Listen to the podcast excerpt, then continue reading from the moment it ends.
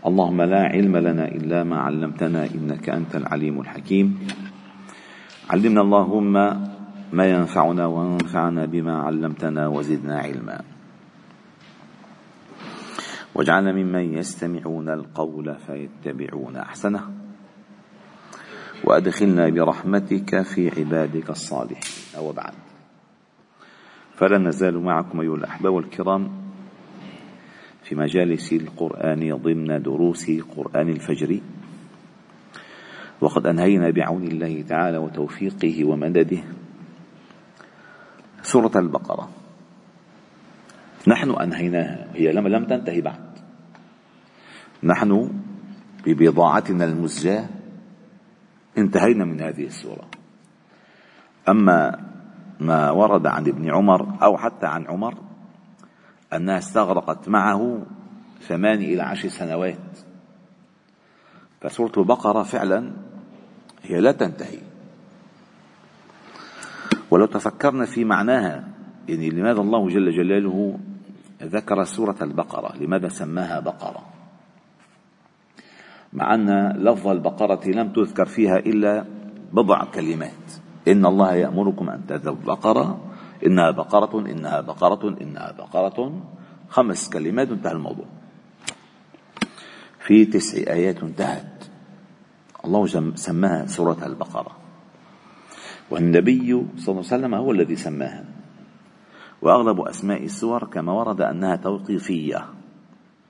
توقيفية. فعندما نعلم أن هذه السورة افتتح الله تعالى بها كتابه بعد فاتحة الكتاب وجعلها أطول سورة في القرآن الكريم. حتى نعلم فعلا أن هذا هو المنهاج. إن الفاتحة الفاتحة هي المفتاح والبقرة هي المنهاج. المنهاج الحقيقي التي أو الذي ينبغي للإنسان أن لا يغيب عنه الأسس التي ذكرت في سورة البقرة. لذلك كان الصحابة الكرام يقولون كان الواحد منا إذا حفظ البقرة أو أخذ البقرة جد في أعيننا عظم عظم. والنبي صلى الله عليه وسلم سماها هي وآل عمران الزهروان. الزهروان يعني تضيئان يعني ضوي تضيئان لنا الطريق تضيئان لنا القلب تضيئان لنا العقل. زهروان. وبما أنهما يأتيان يوم القيامة كأنهما غيايتان غايتان أو فرقان من طير صواف تحاجان عن صاحبهما.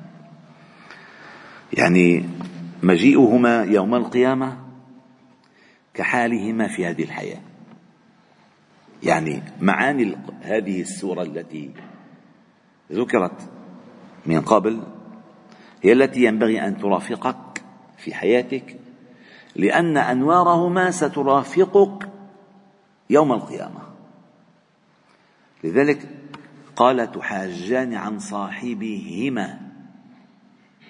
بتعرفوا الصحبة؟ الصحبة يعني خلة يعني مرافقة حقيقية.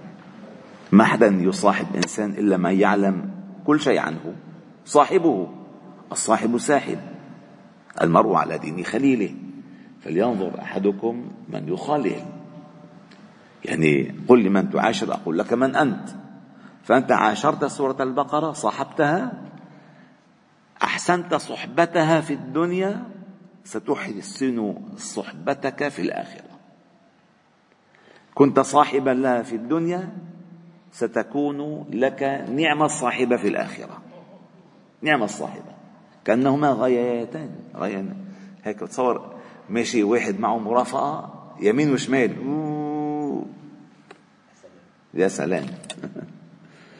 أو فرقان. فرقان يعني فرقتين من طير صواف. شو صواف؟ يعني مادين الأجنحة هيك وماشيين. تصور واحد جاي مثلا جاي يوم القيامة ليعرض على الله تعالى وجاي معه فرقتين سربين من الطائرات.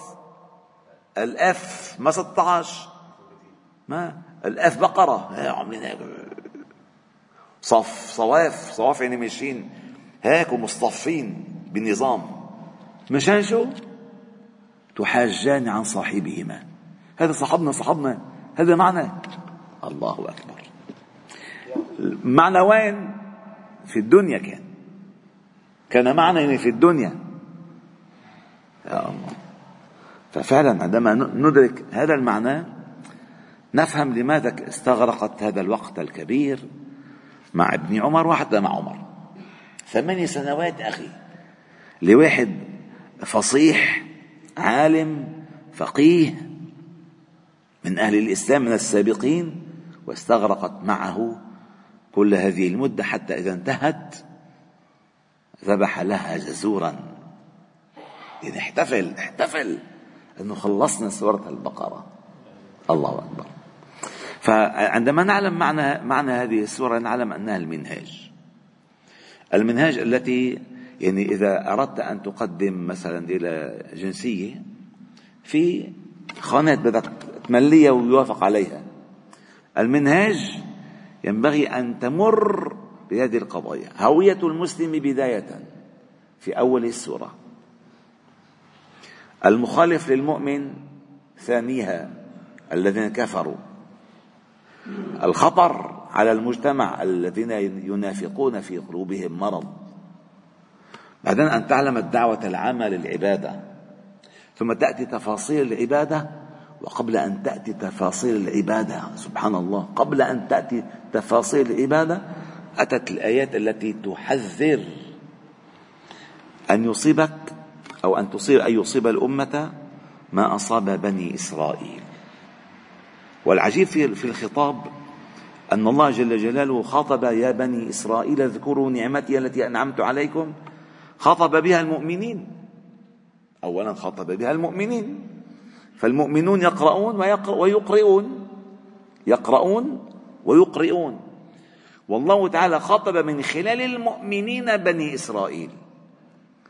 وخاطبهم وكأنهم هم الذين كانوا يفعلون. يا بني إسرائيل اذكروا نعمتي التي أنعمت عليكم وإذ أنجيناكم وإذ فرقنا بكم البحر وإذ وإذ. لأن الأحفاد يلحقون بالأجداد حتما. الأحفاد. نفسية الأحفاد كنفسية الأجداد.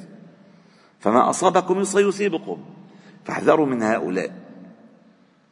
ثم أتت تفاصيل كل النواقض المواثيق التي نقضها بنو إسرائيل. يعني نحن قبل أن نودع سورة البقرة لابد وأن يعني إلا والله انبسطنا معك كثير. كيف الضيف؟ بتودعه بتقول له كثير. جلستك جميلة واستفدنا منك. فالآن نودع سورة البقرة. فعندما انتهت حوالي تسعين آية في ذكر أو أقل بقليل عن ذكر بني إسرائيل ونقضهم العهود وأدوائهم العظيمة التي أصابتهم في آه، قلوبهم أتت التفاصيل على هذه الملة التي نحن منها وإذ ابتلى إبراهيم ربه بكلمات فأتمهن قال إني جاعلك للناس إماما. قال ومن ذريتي؟ قال لا ينال عهد الظالمين ممن سبق ذكرهم من بني إسرائيل. ممن سبق ذكرهم من بني إسرائيل. صحيح من أبنائك ولكن ومن ذريتهما محسن وظالم لنفسه مبين. هذه فإياكم أن تكونوا مثل هؤلاء. حافظوا على النسب لأن النسب النسب الدين أقوى من نسب الدم. ربنا وبعث فيهم رسولا منهم يتلو عليهم آيات أنا دعوة أبي إبراهيم. ونحن ملة ونحن ملة إبراهيم. ننتسب لإبراهيم عليه السلام. وكل النسك الذي نفعله هو من تعليم إبراهيم. أي مما أخذناه عن إبراهيم عليه السلام. فإذا نحن هذه هذه هذه الملة الإبراهيمية. ليست الملة الإبراهيمية الميكس. اللي خلطوا اليهود والنصارى والمسلمين عشان يعملوا شيء شيء مسخ. لا. الملة الإبراهيمية التي كانت على الحنيفية السمحة. ما فيها آه، آه، مواربة ولا تحريف ولا غش ولا نقد ولا كذب. هذه من الإبراهيمية. ثم يأتي التفاصيل في العبادات. من صلاة وصوم وزكاة وحج. بعدين المعاملات من زواج. معاملات. زواج وخطبة ونكاح. وبعد ذلك ما يترتب على آثار الزواج سواء الإكمال أو الفسخ من طلاق وخلع. بعدين العدة التي تنبني على الموت أو تنبني على الطلاق. بعدين إذا طلقت المرأة أو طلق الرجل ما الذي سيريد أن يفعله بعد ذلك؟ هل تخطب في عدتها؟ هل تنكح في عدتها؟ هل هل هل هل, هل, هل. ثم تأتي يأتي نموذج عن ممن خالفوا ممن خالفوا. الذين أرادوا شيئا فأتاهم فخالفوا. وهم الذين ألم تر إلى الملأ من بني إسرائيل من بعد موسى. إذ قالوا لنبي له بعث ابعث لنا ملك ملكا نقاتل في سبيل الله. هن بدهم. ولكن لما اجى الملك بطلوا. فلذلك الإنسان ما يستعجل شيء ابدا. ما كان ما كان سيكون. لا تستعجل شيئا. لا ولا تستعجز قدرة الله عليك. أن يعفو عنك وأن ينصرك. ولكن ارضى بما قسم الله لك. تكن أغنى الناس. لذلك الإمام الحسن الله مرضى عنه كان يقول من اتكل على حسن اختيار الله له لم يتمنى غير ما اختار الله له. فعلا. لأن الله هو الذي اختار لك. ارضى بما اختار الله لك. عندها تكون يرضى الله عنك. ثم أتت ذكر النفقات والصدقات وأطيب الكسب وأخبث الكسب وأنواع الدين الدين القرض الحسن والدين العام والرهان. وختمت الآيات بالمناجات والاعترافات والإقرارات والخضوعات. ربنا لا تؤاخذنا ربنا ربنا ربنا ربنا. مناج كامل لذلك اسمها البقرة. والبقر والبقر في اللغة هو يعني بقر الشيء يعني أنت بقرت شيء حتى تأخذ ما فيه. لذلك تسمى البقرة بقرة. البقرة بقرة لأن تحرس الأرض بقر. ويسمى العالم الجليل الذي حوى العلوم كلها من ألقابه الباقر أي بقر بطن العلم. فإذا أخذت البقرة فقد أخذت العلم من بطونه. ولذلك ما أتى من ذكر من ذكر العلوم في البقرة وأسرار القصد منه هو إحياء القلب. لذلك الله تعالى قال لما ذكر قصة البقرة فقلنا اضربوه ببعضها. كذلك يحيي الله الموتى ويريكم آياته لعلكم تعقلون. فهذه ما أتى في سورة البقرة من أجزاء متناثرة ومن أحكام متنوعة. فقط اضربوا اضربوا قلوبكم ببعضها. وترون وتشاهدون كيف يحيي الله تعالى قلوبكم. أجزاؤه يعني أجزاء السورة وكلية السورة. فلذلك أتى بعد سورة البقرة بترتيب المصحف أتت سورة آل عمران. فسورة البقرة عالجت القضايا التشريعية وخصوصا قضايا بني إسرائيل من اليهود وسورة آل عمران عالجت القضايا الداخلية وقضايا أهل الكتاب من النصارى. يعني لذلك تقرأ سورة البقرة. تقرأ سورة آل عمران كأنك ختمت كل شيء. خلص فهمت؟ الباقي تفاصيل. الباقي تفاصيل. لذلك يأتيان يوم القيامة كأنهما غيايتان أو غمامتان أو فرقان من طير صواف تحاجان عن صاحبهما. لذلك يوم آه، بدر يوم حنين كانوا يقولون أين أصحاب البقرة؟ أين هال ها وين؟ هال يلي بيثبتوا ولذلك النبي صلى الله عليه وسلم مرة كان يجهز آه، سرية. فعم يختار عم يختار من سيؤمر على هذه السرية.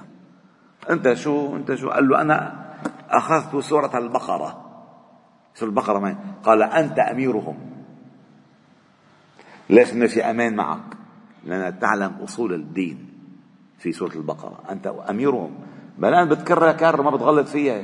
في ناس بيفكروا أنه أخذ البقرة أن تقرأها من غير أن تخطئ؟ أن تفهمها فعلا. أن تفهمها. أنت أميرهم.